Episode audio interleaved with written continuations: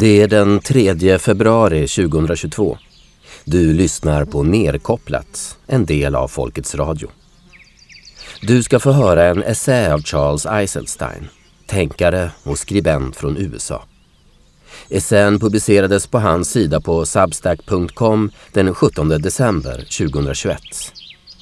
Den är alltså urgammal med våra tiders mått mätt, men är ändå på alla sätt relevant. Texten är översatt av Diana Blom och mig, Håkan Julander.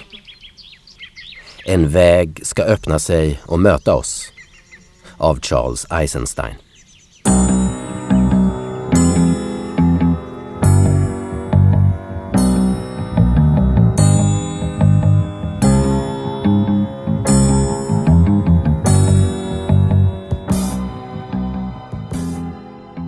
Den första principen för icke-våldsåtgärder är vägran att samarbeta med allt som är förödmjukande.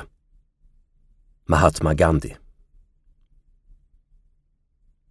En gång läste jag en redogörelse om mobbning från den amerikanska landsbygden i början av 1900-talet.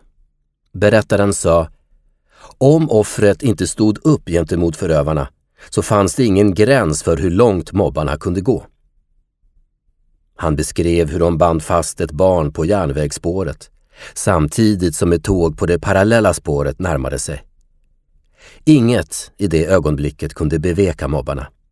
Varje tecken på kapitulation från offret bara frestade förövarna till ännu grymmare förödmjukelser och kränkningar. Det är allmänt vedertaget vad som psykologiskt driver en mobbare. Det kan vara kompensation för brist på makt eller en återupplevelse av ett trauma men med ombytta roller.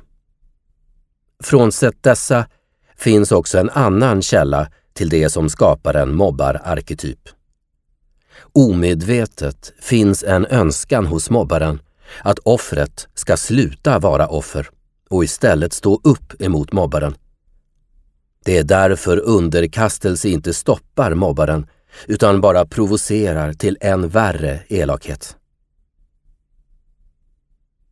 I en offer-förövare-relation finns en möjlighet till en nystart, en initiering. Offret försöker kontrollera världen genom att underkasta sig. Om jag underkastar mig tillräckligt, är tillräckligt ynklig, kanske mobbaren till slut ger efter och möjlighet ges för en annan person, en befriare, att gripa in. Det är inte nödvändigtvis fel att underkasta sig. Eller vad pionjären inom improvisationsteater Keith Johnstone kallade att spela en lågstatusroll. Det finns många situationer där det är nödvändigt att underkasta sig för att överleva. Men när den undergivna hållningen blivit till en vana och offret förlorat kontakten med sina inneboende förmågor och styrkor så väcks också offrets möjligheter för en initiering, en pånyttfödelse. Mobbaren stegrar övergreppen tills offret når den punkt där situationen blir så outhärdlig att offret slutar vara försiktig. Offret upptäcker en inneboende styrka hos sig den inte tidigare varit medveten om och växer som människa en initiering. När det inträffar, när offret reser sig och slår tillbaka, brukar mobbaren ganska ofta lämna denne i fred. På den själsliga nivån har mobbarens arbete gett resultat. Initieringen är fullbordad. Det finns ingen garanti för att motståndet ska lyckas. Men även om det inte gör det, så förändras dynamiken i relationen när offret bestämt sig för att inte längre vara ett offer och upptäcker att en stor del av mobbarens makt låg i den rädsla offret kände och inte i mobbarens fysiska makt. Innan detta skifte är det osannolikt att situationen kan förändras även om en beskyddare skulle komma till undsättning. Då antingen misslyckas ingripandet eller så blir beskyddaren den nya förövaren och än en gång ställs frågan om offret snart är redo för att resa sig. Jag vill inte att resa sig ska tolkas som ett välmenande förslag till någon som lever i en destruktiv relation. Det är enklare sagt än gjort i brist på förståelse hur mycket mod som krävs för det. I en del situationer som involverar barn finns inga sätt att göra motstånd på utan att ta oerhört stora risker, både för en själv och barnen. Men även i de mest hopplösa situationer anar offret en del av den inneboende styrka denne inte tidigare visste den ägda. Eftersom underkastelse ofta leder till värre kränkningar når offret slutligen den gräns där allt brister och mod till motstånd föds. I det ögonblicket blir frihet från förtryckaren viktigare än livet självt. Relationen mellan styrande myndigheter och allmänheten liknar idag på många sätt dynamiken mellan förövare och offer.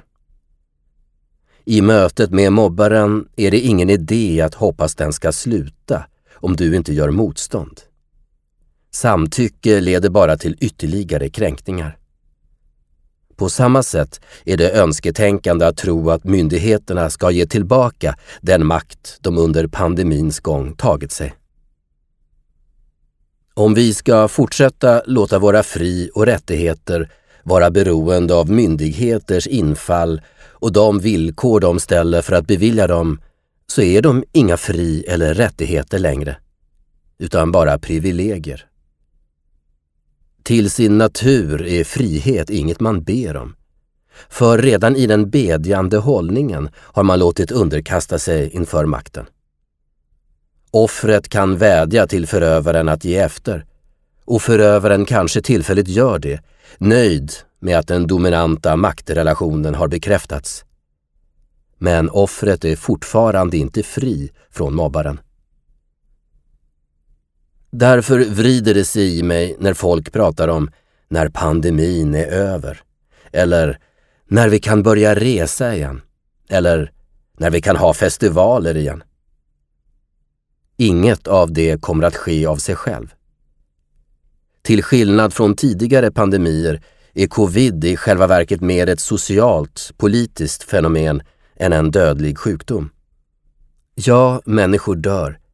Men även om vi antar att alla i den officiella statistiken dog av och inte med covid uppgår dödsoffren till mellan en tredjedel och en niondel jämfört med spanska sjukan 1918.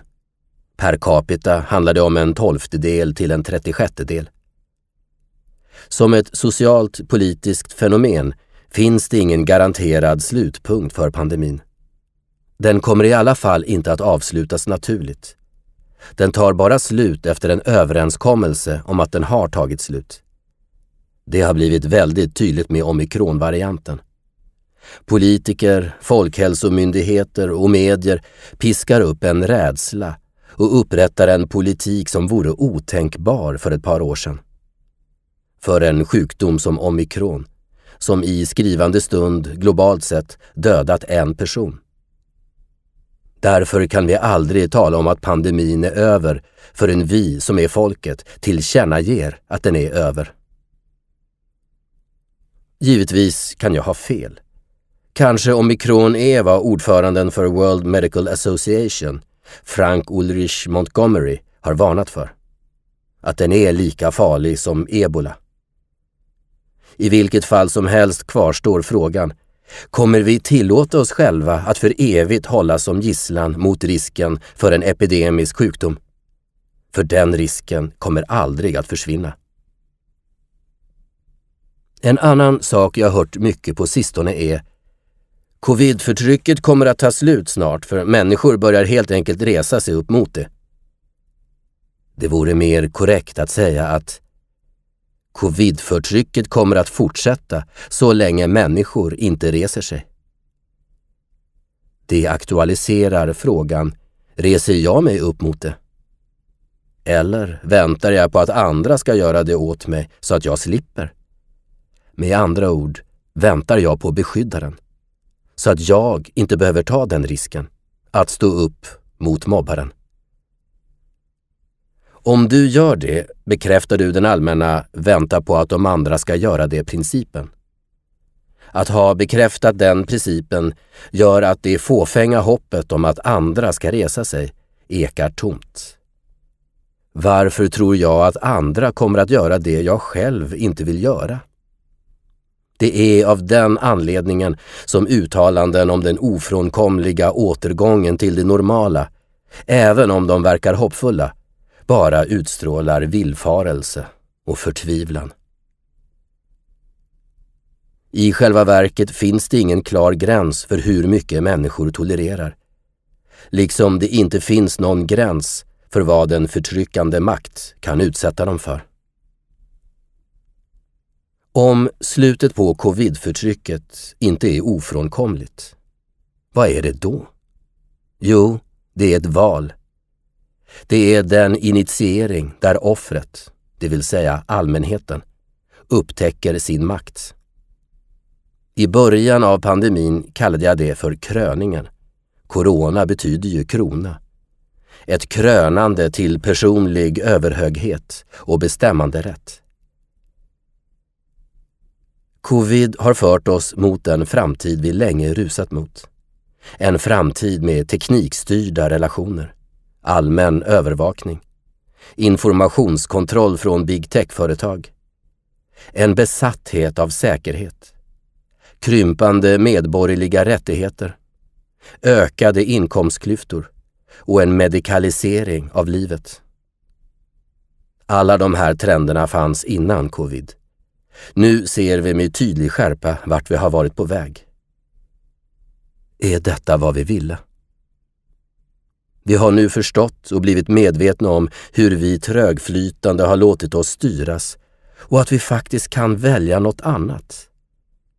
Men för att kunna välja det måste vi rycka bort kontrollen från de institutioner som administrerar det befintliga systemet. Det kräver ett återställande av en verklig demokrati, det vill säga folksuveränitet, inom vilken vi inte längre passivt accepterar de etablerade myndigheternas agendor och inte heller ber om privilegier förklädda till friheter. Trots att det ser så ut har inte covid inneburit slutet på demokratin. Det har bara avslöjat att vi redan från början aldrig haft någon demokrati. Det har visat var makten verkligen ligger och hur lätt fasaden av frihet kan tas ifrån oss. Det har visat att vår frihet bara har gynnat vår elit. Genom att tjänstvilligt ha lytt har något om oss själva uppenbarat sig för oss. Vi var redan ofria. Vi var redan bundna till underkastelse. I George Orwells 1984 påpekar Winstons förhörsledare O'Brien. Ju större makt partiet får, desto mindre tolerant blir det. Ju svagare oppositionen är, desto hårdare blir förtrycket. Covid-eran har visat på ändlösa kränkningar, förödmjukanden och övergrepp på allmänheten. Den ena mer stötande än den andra. Det är som att det utförs ett psykologiskt experiment för att se hur mycket människor är beredda att stå ut med. Låt oss säga till dem att de inte får skaka hand. Låt oss säga till dem att de inte får gå nära varandra.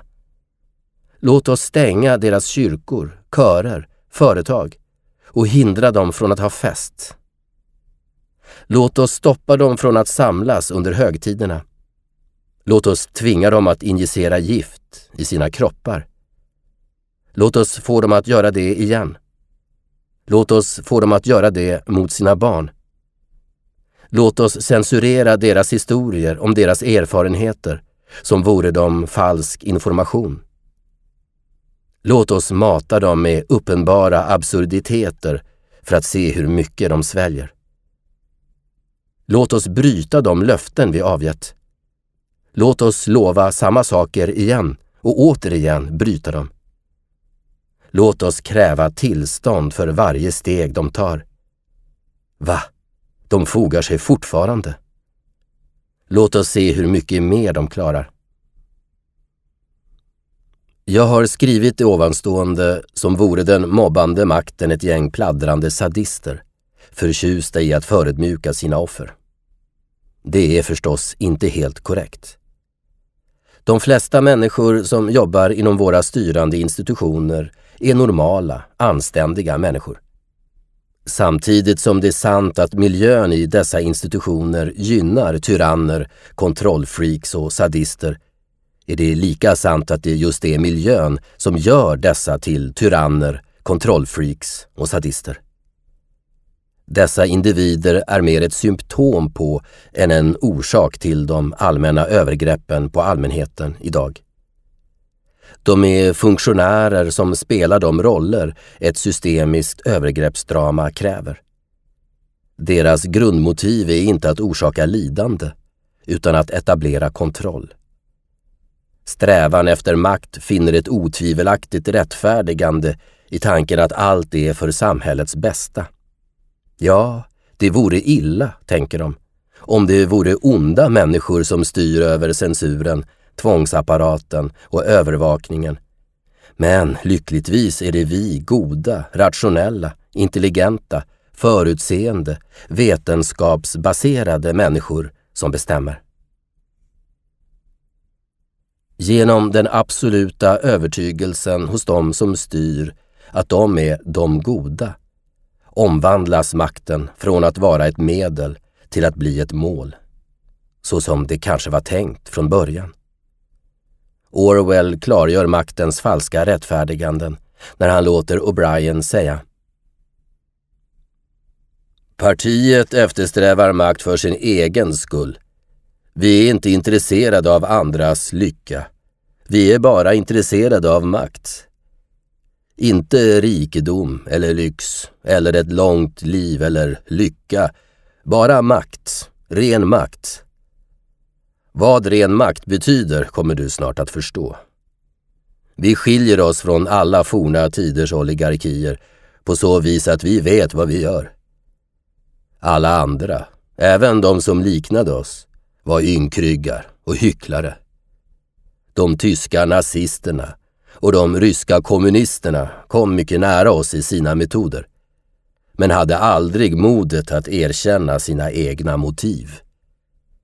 De låtsades, kanske till och med trodde, att de hade övertagit makten motvilligt och för en begränsad tid och att det väntade ett paradis runt hörnet där människor skulle vara fria och jämlika. Såna är inte vi. Vi vet att ingen någonsin tar över makten med avsikten att lämna ifrån sig den. Makt är inget medel, utan ett mål. Man upprättar inte en diktatur för att säkra en revolution. Man gör revolution för att upprätta diktaturen. Förföljelsens syfte är förföljelse. Tortyrens syfte är tortyr. Maktens syfte är makt. Börjar du förstå mig nu? Temat återupptas på nästa sida.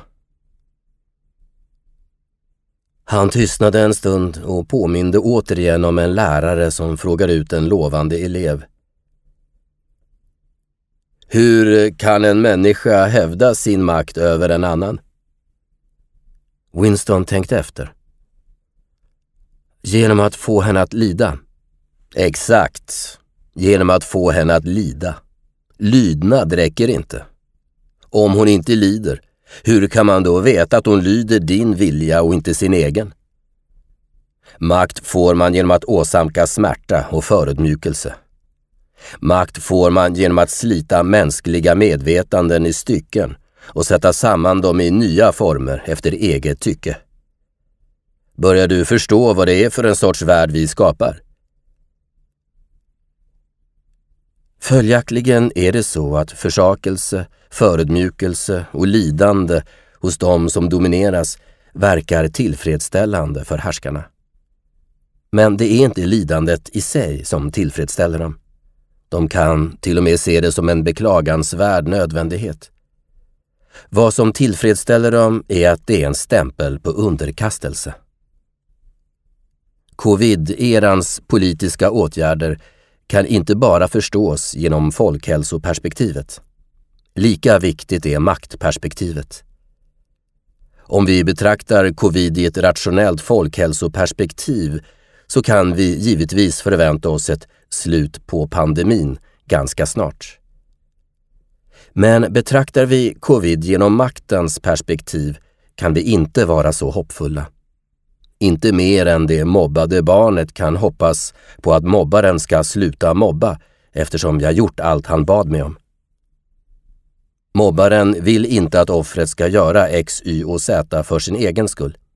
Han vill fastställa principen att offret kommer att göra X, Y, Z eller A, B, C på begäran.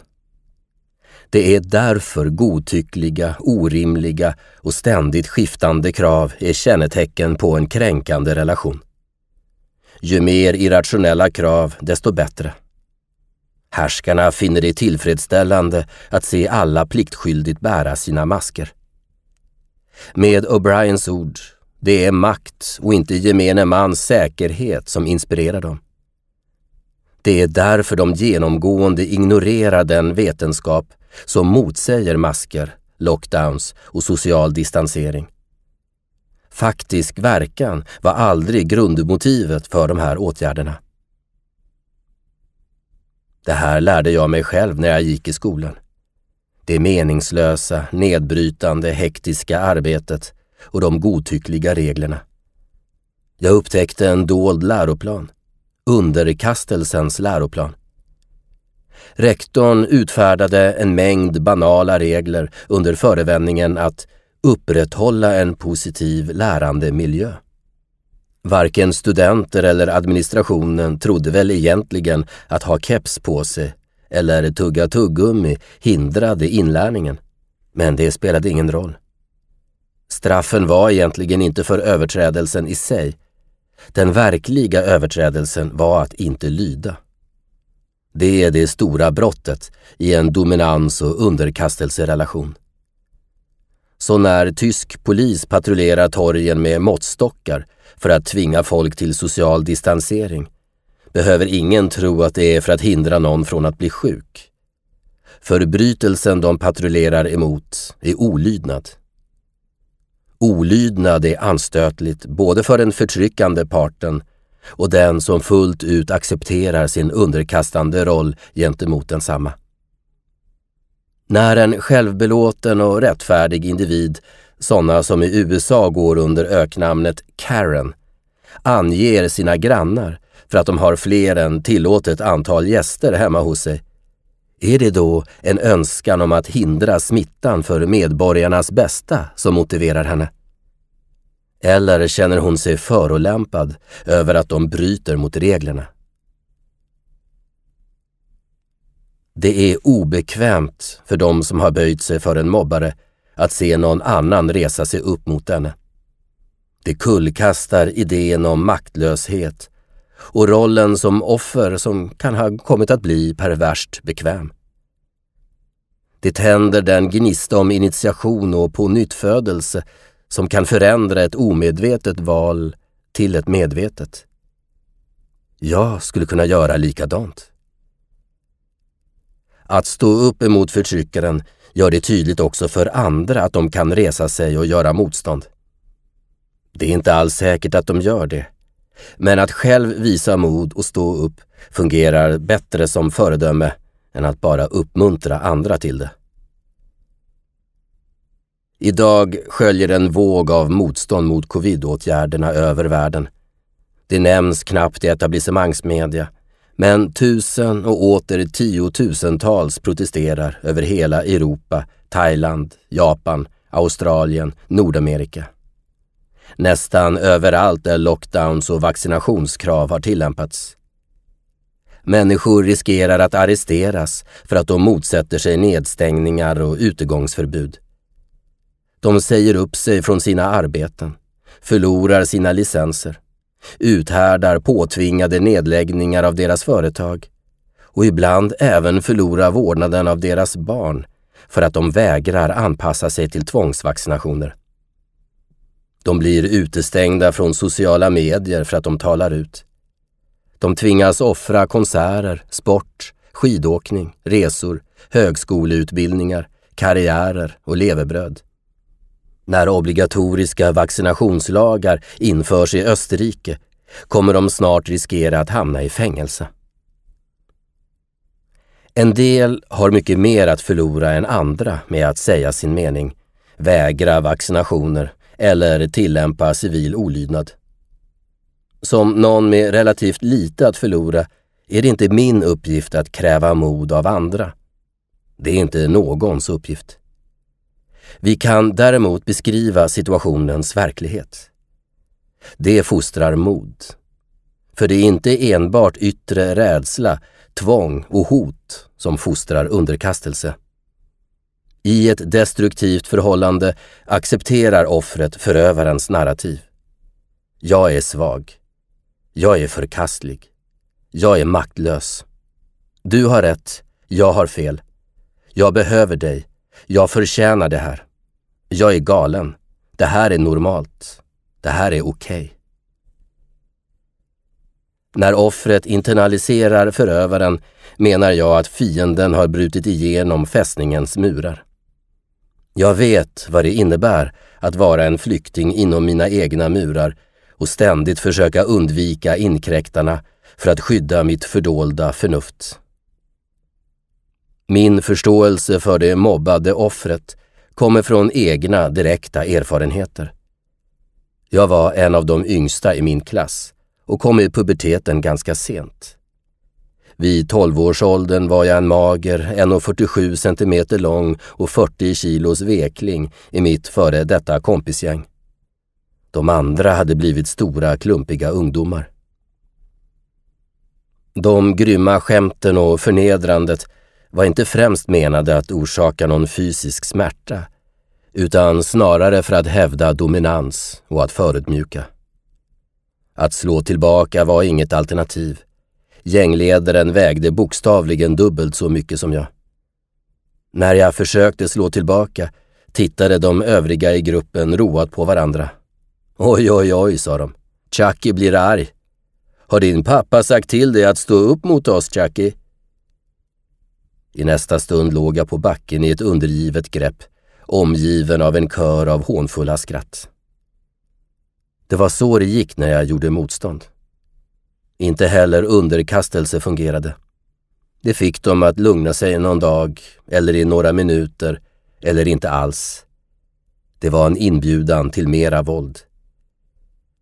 I den svåra situationen internaliserade jag förövarna genom att iklä mig deras åsikter om mig själv som patetisk och föraktlig. I det här läget var det meningslöst att slå tillbaka. Min initiationsresa tog form med att jag steg in i det okända och skaffade nya vänner. Ett skrämmande företag i högstadiekafeterians kakofoni och kaos. Att träda ur offerrollen behöver inte innebära en fysisk strid eller en laglig strid om vad som är rätt, även om det kan göra det.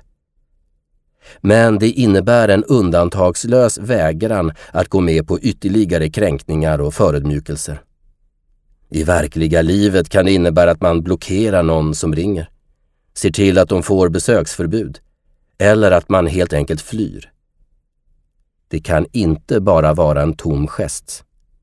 Det måste vara bestämt och hållas varaktigt så länge att den gamla rollen inte längre lockar.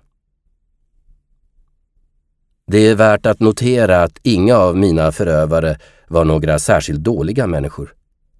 Inte heller de som hängde med i skratten eller de som ogillade det men ändå höll tyst och lät det ske. De gick vidare och blev rejäla samhällsmedborgare, goda fäder och äkta makar. Det var något i sammanflödet av våra biografier som vid det tillfället drev dem till att anta rollen som förövare möjliggörare och åskådare. Kraften i förövare-offerdramat manar till oss att hitta våra roller.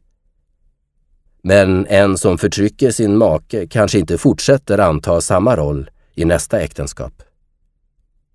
Rollerna tillåter varje aktör att upptäcka och ge möjlighet att integrera och överträffa det de bär inom sig. Så är det även på samhällsnivå. Vad kommer det att bli av tjänstemännen i vårt kränkande, förnedrande och förtryckande system när skådespelet är över? Redan nu är det många som blivit sjuka av de roller de spelat. Offret gör inte förövaren någon tjänst med att förlänga skådespelet. Tidigare skrev jag att punkten där modet tar vid ofta kommer när smärtan i underkastelsen vuxit sig outhärdlig. Den som nyss var ett offer når en brytpunkt och kastar av sig all försiktighet. Förövaren kan fortfarande utöva den yttre maktapparatens medel, men den makten har inte längre någon allierad i offret, som därför blir omöjlig att styra. Många människor håller på att nå den brytpunkten nu. Den ovannämnda vågen av motstånd får kraft från den orkan av ilska som drar ihop sig utanför den officiella verklighetens kust. Om du vill känna av den ilskan, prenumerera på telegramkanalen They say it's rare. De säger det är ovanligt. Den förmedlar okommenterade inlägg från individer som tagit skada av covidvaccin och deras vänner och familjer. Tusen och åter tusen av inlägg. Rått, rasande och indignerat. De flesta av dessa människor kommer aldrig att gå med på att vaccinera sig igen oavsett hur hård pressen blir. Kanske kan det delvis förklara den låga täckningen av boosterdoser. Dramat fortsätter. Mobbaren ger sig inte vid första tecknet på motstånd. På den själsliga nivån tjänar mobbaren sitt syfte enbart när han provocerar fram verkligt ihållande mot. Allt eftersom motståndet växer, växer tvånget likaså. Vi är väldigt nära vändpunkten. Vågen balanserar jämt. Så jämnt kanske att vikten av en enda människa skulle kunna få den att tippa över. Skulle du kunna vara den personen? Vilka dina skäl än är till att foga dig, förbli tyst, hålla huvudet böjt, och det kan verkligen finnas många goda skäl till det, ber jag dig att inte godta det förrädiska, falska hoppet om att någon annan ska ta risken, om inte du gör det. Vad kan en person göra? Kommer det att spela någon roll om jag gör motstånd? Om inte många andra gör det? 5 procent av befolkningen kan bli inspärrade eller utelåsta från samhället. 40 procent kan det inte. Kommer du att göra motstånd och riskera att bli en av de 5 procenten? Säkrare att vänta och se, eller hur? Säkrare att vänta på att den kritiska massan nås och sen ansluta sig till den vinnande sidan. Av alla lögner från den kontrollerande makten är den största lögnen den om offrets hjälplöshet. Den lögnen är en sorts besvärjelse som besannas i den utsträckning som folk tror på den. Alla moderna människor lever i en genomgripande metafysisk version av den lögnen. I ett newtonskt universum styrd av deterministiska krafter spelar det förvisso liten roll vad en person gör. Det är fullständigt irrationellt för det åtskilda separata självet att vara modigt och trotsa mobben och resa sig upp emot makten. Visst, om många människor gör det kommer självklart saker och ting att förändras.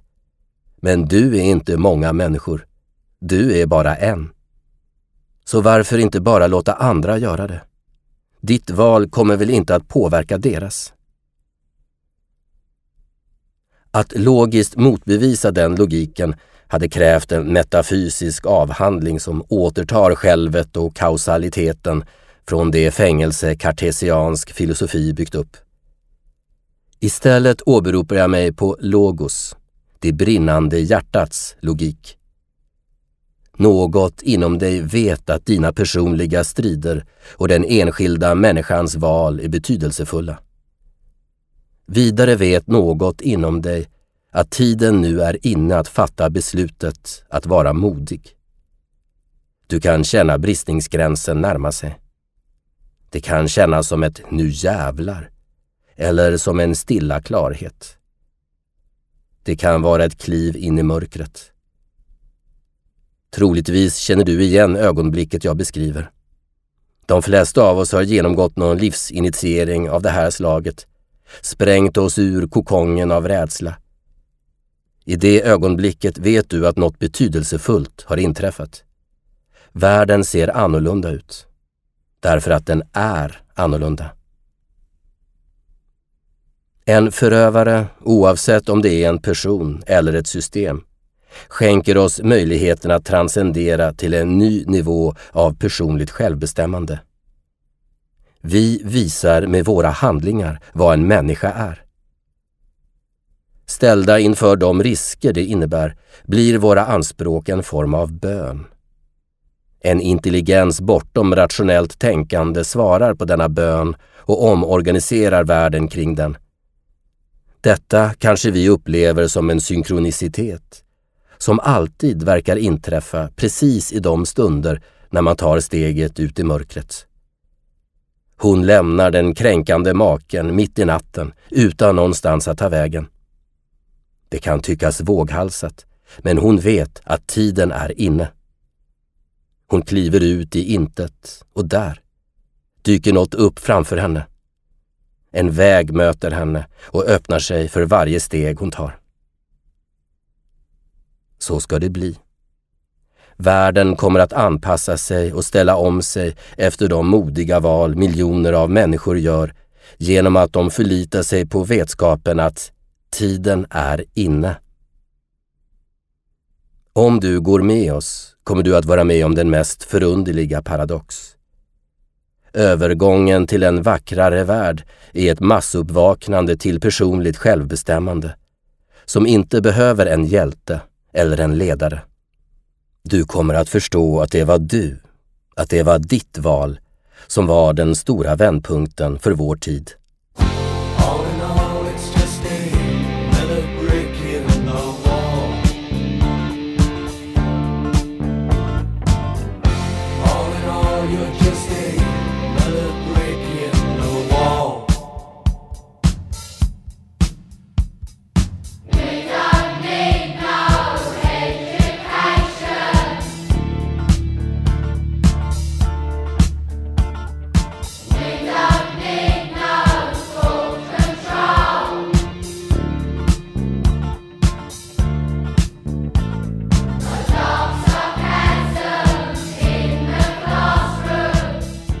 Ja, vilket underbart groove.